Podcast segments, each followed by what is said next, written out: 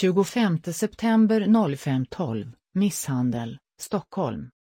Polis kallas till Hagsätra då en inringare hört dunsar och skrik i en grannlägenhet och tror att någon blir slagen. När polispatrullen kom till aktuell lägenhet befann sig en kvinna och en man i den. Med anledning av omständigheterna fattade patrullen misstankar om att mannen slagit kvinnan och i samband med ingripandet blev mannen mycket utåtagerande.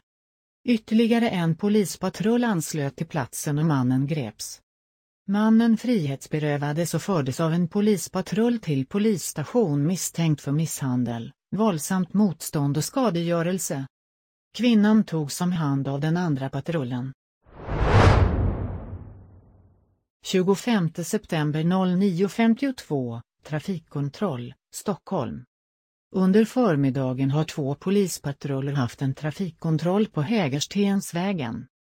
Kontrollen pågick i cirka 40 minuter och högsta tillåtna hastighet på sträckan är 30 km i t. Laserinstrument användes som mätmetod. Cirka 120 fordon passerade under kontrollen och sex av förarna fick ordningsböter för att ha överskridit hastighetsbegränsningen. 25 september 10.46, Trafikolycka, Singel, Stockholm. Polis och ambulans kallas till Larsbodavägen i Farsta med anledning av att en personbil kört över en rondell och kört ner skyltar. Föraren kontrolleras av vårdpersonal och bilen kommer att bärgas från platsen. 25 september 11.45, Trafikolycka, Stockholm. Polis och ambulans kallas till E18 vid trafikplats Rinkeby med anledning av en trafikolycka. Två personbilar har kolliderat. Ingen person har skadats men bilarna behöver bärgas från platsen. Övrig trafik kan sakta köra förbi olycksplatsen under bärgningsarbetet. 25 september 16.13, Trafikbrott, Stockholm. I Vasastaden stoppade och kontrollerade polisen en moped och dess förare. Stoppet genomfördes på Torsgatan. Föraren är misstänkt för olovlig körning då han kört ett fordon han inte har behörighet för. Han är även misstänkt för märkesförfalskning i och med att registreringsskylten är manipulerad och på så sätt försvårat identifieringen av fordonet. Mopeden är tagen i beslag och ingår i utredningen. Polisen har varit informerat förarens vårdnadshavare och informerat vad som hänt.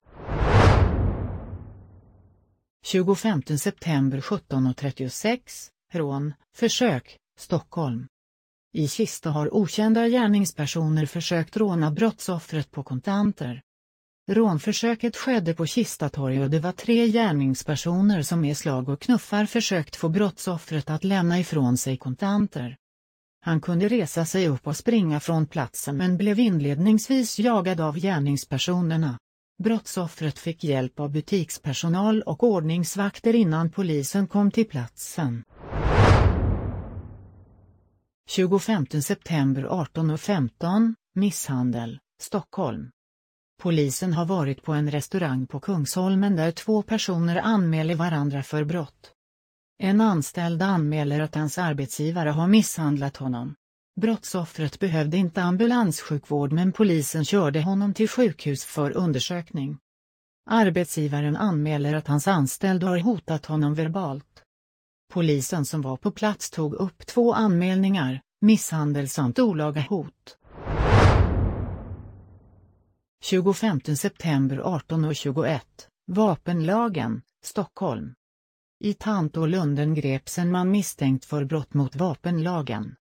Ordningsvakter grep den man som är misstänkt för brott mot vapenlagen eftersom han bar med sig pepparspray.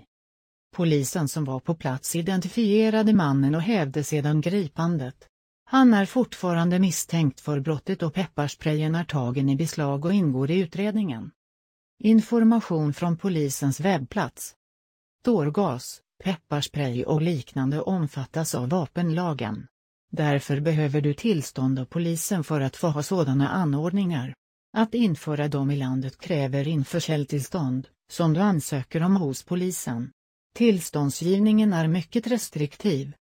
Polisen kan inte ge svar på frågan om en viss produkt omfattas av vapenlagen eller inte, utan att det gjorts en analys av substansen. Det finns en mängd olika så kallade självförsvarssprayer på marknaden. Vissa omfattas av vapenlagen medan andra inte gör det. Du är själv ansvarig att se till att den produkt du köper inte är tillståndspliktig. Om du bär en sådan produkt utan tillstånd kan du misstänkas för brott enligt vapenlagen. 25 september 2003, Knivlagen, Stockholm. På T-centralen togs en kniv i beslag från en berusad man.